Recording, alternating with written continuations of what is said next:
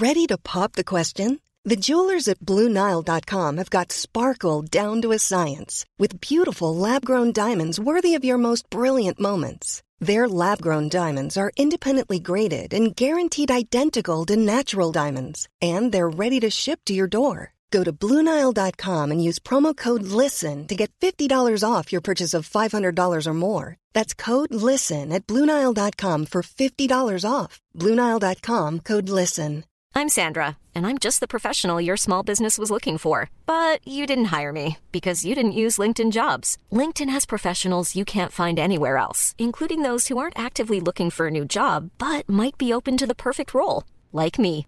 In a given month, over 70% of LinkedIn users don't visit other leading job sites. So if you're not looking on LinkedIn, you'll miss out on great candidates like Sandra. Start hiring professionals like a professional. Post your free job on linkedin.com/people slash people today.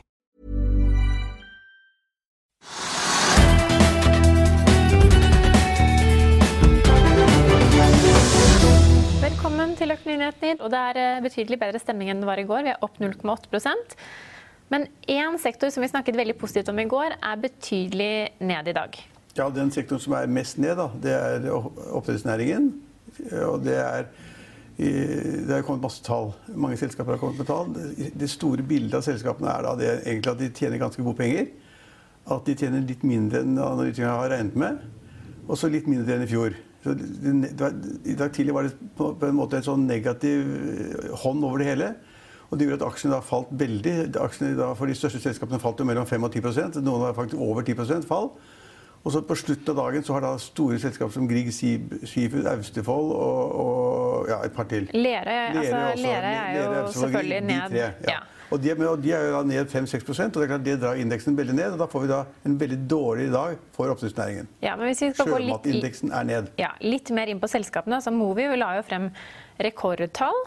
De hadde veldig gode tall altså på, på selve, inn, altså selve, bunnlinjen. Ja. Så kom de med litt svakere resultat. De fikk 140,3 millioner euro i andre kvartal mot 172 millioner ja.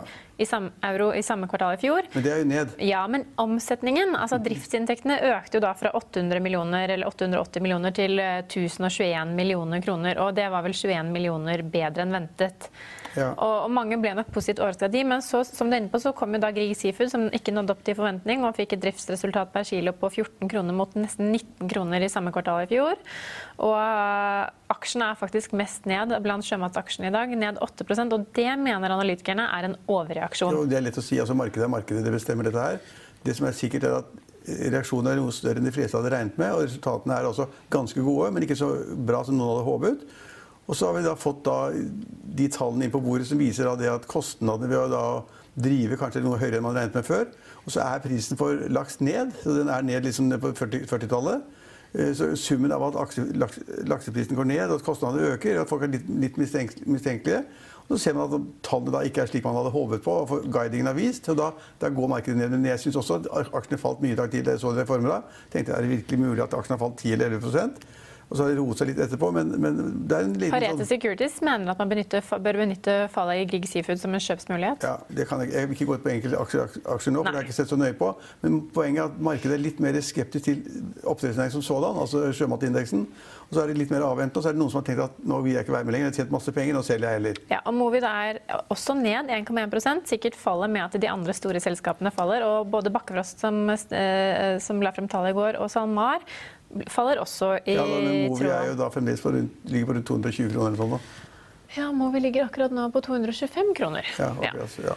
Men, men det, det, er bare greit å merke seg det, at den indeksen er ned, og at det er det svakeste. Og den andre ting på Oslo Børs, det er ikke så veldig mange ting vi kan vise tilbake til. Men altså for det første, som du sier, så er jo da indeksen opp tre kvart prosent. Det er bra. Men så har vi da sett at oljeprisen har begynt å røre litt på seg, så den er over 60 dollar per fat igjen for brentoljen. Og det, akkurat det jeg så på den sist, så var da brentoljen nesten akkurat 61 dollar. Ja. Og, og, så ser vi da det, om det er en klar sammenhengende korrelasjon mellom prisen og da hva som skjer på børsen. Det er ikke lett å si.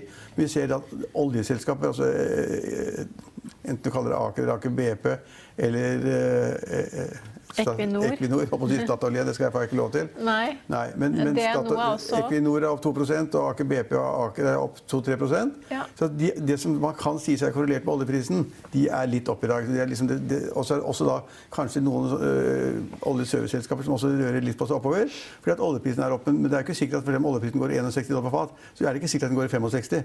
Så det er, det er en god spekk der liksom, en gang oljeprisen rører på seg, så er det noen som tror det at liksom, nå er det, nå er det enveiskjøring oppover. og det er det ofte ikke. Men på markedet i dag så reagerer mange positivt på at oljeprisen er opp. I går hadde vi Sidrill-rally. I dag er Sidrill ned 6 SEB fjerner jo dekningen på aksjen og tar bort kursmålet og peker på en ugunstig miks i et utfordrende marked. Ja, jeg tror Sidrill har vi kommentert utrolig mange ganger. Fordi at selskapet har vært i en kjempevanskelig prosess. Det er en veldig rik eh, hovedaksjonær som har gitt masse fra selskapet skal overleve. Selskapet har utrolig mye gjeld. Å få det til å bli, tjene penger igjen og liksom konkurrere i riggmarkedet, det er veldig vanskelig. og Finansavisen har en artikkel i dag da, om hvor vanskelig da, som stammer fra tall fra Carnegie, hvor vanskelig det er å tjene penger på rigg. Altså Det er for mange rigger i verden, de har for lave rater. Det kommer nye rigger i markedet hele tiden. Så de sier at kjempevanskelig å tjene penger på rigg. Og, og, det ser vi da også da at Sidil sliter, til tross for at det er delvis refinansiert. Og så så vi da at det selskapet som før het Dolson Energy, som da heter Dolphin Energy, det er konk. Altså, bankene overtok selskapet. Etter at de hadde tatt ut av alle det som var mulig av verdier, altså rigger eller hva det måtte være, så konket de restene. Og det selskapet som er igjen, det er et konkursselskap som ikke har fem øre igjen. Så det at rigg er ikke bare rigg. Det er ikke slik at man kan bli kjemperik på at man alltid kjøper rigg til rette tid. Altså, det er kjempevanskelig. Vi kan ta med oss at Natto Pharma og Techstep også har lagt frem tall i dag. Natto Pharma topper taperlisten, er ned eh, akkurat nå 18% vel, og melder om tap i andre kvartal, mens Techstep viser til bedre vekst, men ikke, man er ikke imponert over tallene.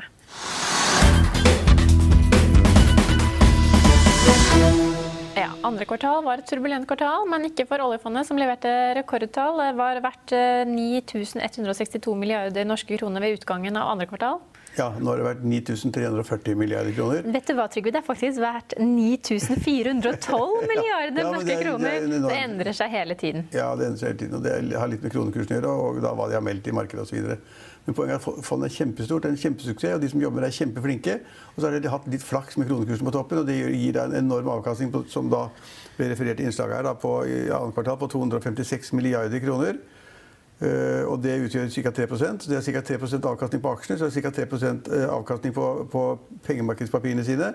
Og så har de et par prosent eh, avkastning på eiendomsporteføljen. eller noe sånt. Ja, og så er det også Det, var, det har jo vært fallende renter. Og, ja, da, oljefond, opp. Ja, ikke sant? Oljefondet har jo store investeringer i ja, når obligasjonsmarkedet. Når så stiger obligasjonskursen, og det gir da en avkastning som er rundt 3% i rentepapirer. Ja. Og, det er, og, det er, et ekstremt bra resultat. og liksom Verden kan jo se på det, sitere utlandet osv. Hvordan får vi det til?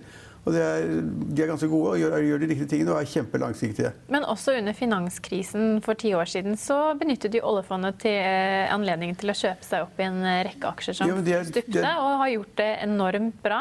Ja, de er tøffe, for de har da sett at uh, markedene kollapser rundt omkring. og Det er ille. Kursene faller.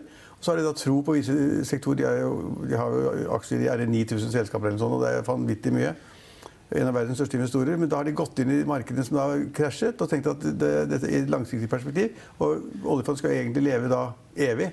Og da kan de gå inn og handle, og det har de gjort. Og det har de tjent masse penger på. Og nå, nå har de også gjort det godt igjen. Altså et tall som viser egentlig hvor mye penger de tjente i andre kvartal. De 256 milliarder kroner i et eneste kvartal. Vet du hva det tilsvarer?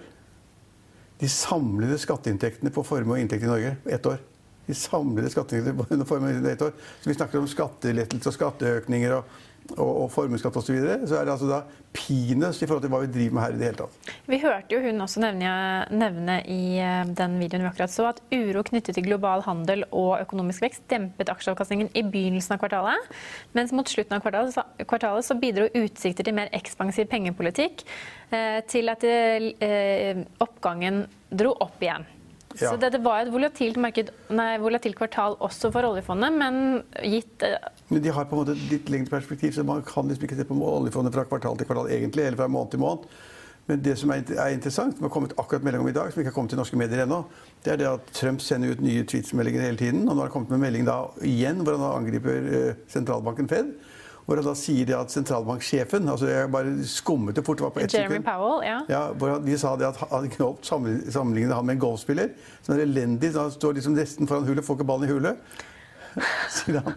Han er en elendig golfspiller. Og det kan, altså, du kan jo ikke si det om sentralbanksjefen, så det, det må det bli bråk av i USA. Men, men, men han har jo også tvitret nå at, og sagt det offentlig at det kan faktisk hende at USA er på vei inn i en resesjon med alt som skjer ja. nå. Øh, men det som er, det som, hvis man ser på markedene i Amerika i dag Jeg har ikke sett på det ennå. Ja, de åpner opp bak oss. Dow Jones er akkurat nå opp 0,86% Jeg vil tippe at de var opp fordi det var det jeg skulle si. fordi at øh, De åpnet samtidig med oss. Men det er fordi at da, hvis folk regner med lavere renter, så regner de med at det vil ha positiv effekt for aksjemarkedet. At folk da liksom kan gå mer inn i aksjer. da. Fordi Det er ikke noe vits å sitte med obligasjoner som har negativ rente eller null rente. Og så må de inn i, da, i egenkapitalpapirer i aksjer og tjene penger der tror jeg at markedet kan tenke. Og at de trodde også da for noen minutter siden, da jeg så den meldingen fra Amerika, at det ville være positivt for aksjemarkedet i dag, og det er det også. Jeg så også at oljefondet fikk tilført 6 eh, milliarder kroner fra Finansdepartementet i friske oljekroner. Så det tikker inn De, inn, de slipper å ta penger ut, men det tikker inn hele tiden. Ja. Og så er det allerede nå, noen, når de ser disse tallene, eller kanskje litt før de så tallene, så er det noen som sier at nå kan vi ikke bruke mer oljepenger. Vi kan ikke bruke to, to milliarder kroner til å betale ned på bompengeselskapsgjeld, eller eh, senke noen eh, priser på bompengene, eller For man kan ikke bruke mer penger, men vi kan jo bruke mye mer penger. Altså, vi har satt av en regel som sier at i Norge først var det 4 man skal ikke bruke mer enn 4% av realavkastningen. altså det som tilsvarer realavkastningen. Og nå er det 3% Nå kan vi da bruke 3 ganger 29, nå kan vi bruke nærmere 300 milliarder kroner i, i budsjettene i henhold til reglene som Stortinget har fastsatt. De fleste mennesker mener at de har altfor mye penger. Altså, det mener ikke jeg. Hvis vi har gode formål, enten investeringer eller infrastruktur eller hva som er i Norge, så kan vi bruke mer oljepenger. For vi har plassert pengene våre i oljeformuen. Da må vi også kunne bruke avkastningen av den. Og det er ikke slik at alle pengene skal brukes av dine barnebarn. Nei. Nei. Eh, det er en stund til eh, mine barnebarn, barn, ja, barnebarns barnebarn. Ja, men de skal ikke bruke Men, men at de fortsatt kommer til å ha penger igjen i oljefondet, det er det vel ingen av oss som er urolig for? Nei, altså det er, men det, nå er det blitt så stort at det er nesten Man, slags, man kan tenke seg, altså som porteføljeforvalter kan man tenke seg at oljefondet da får verden imot seg, at alle børsene i verden faller 20-40% men det kan vi leve med, for at det er nok igjen. Nok avkastning på det resterende er stor nok til å kunne gi deg en del penger inn i statsbudsjettet til å dekke velferdsstaten.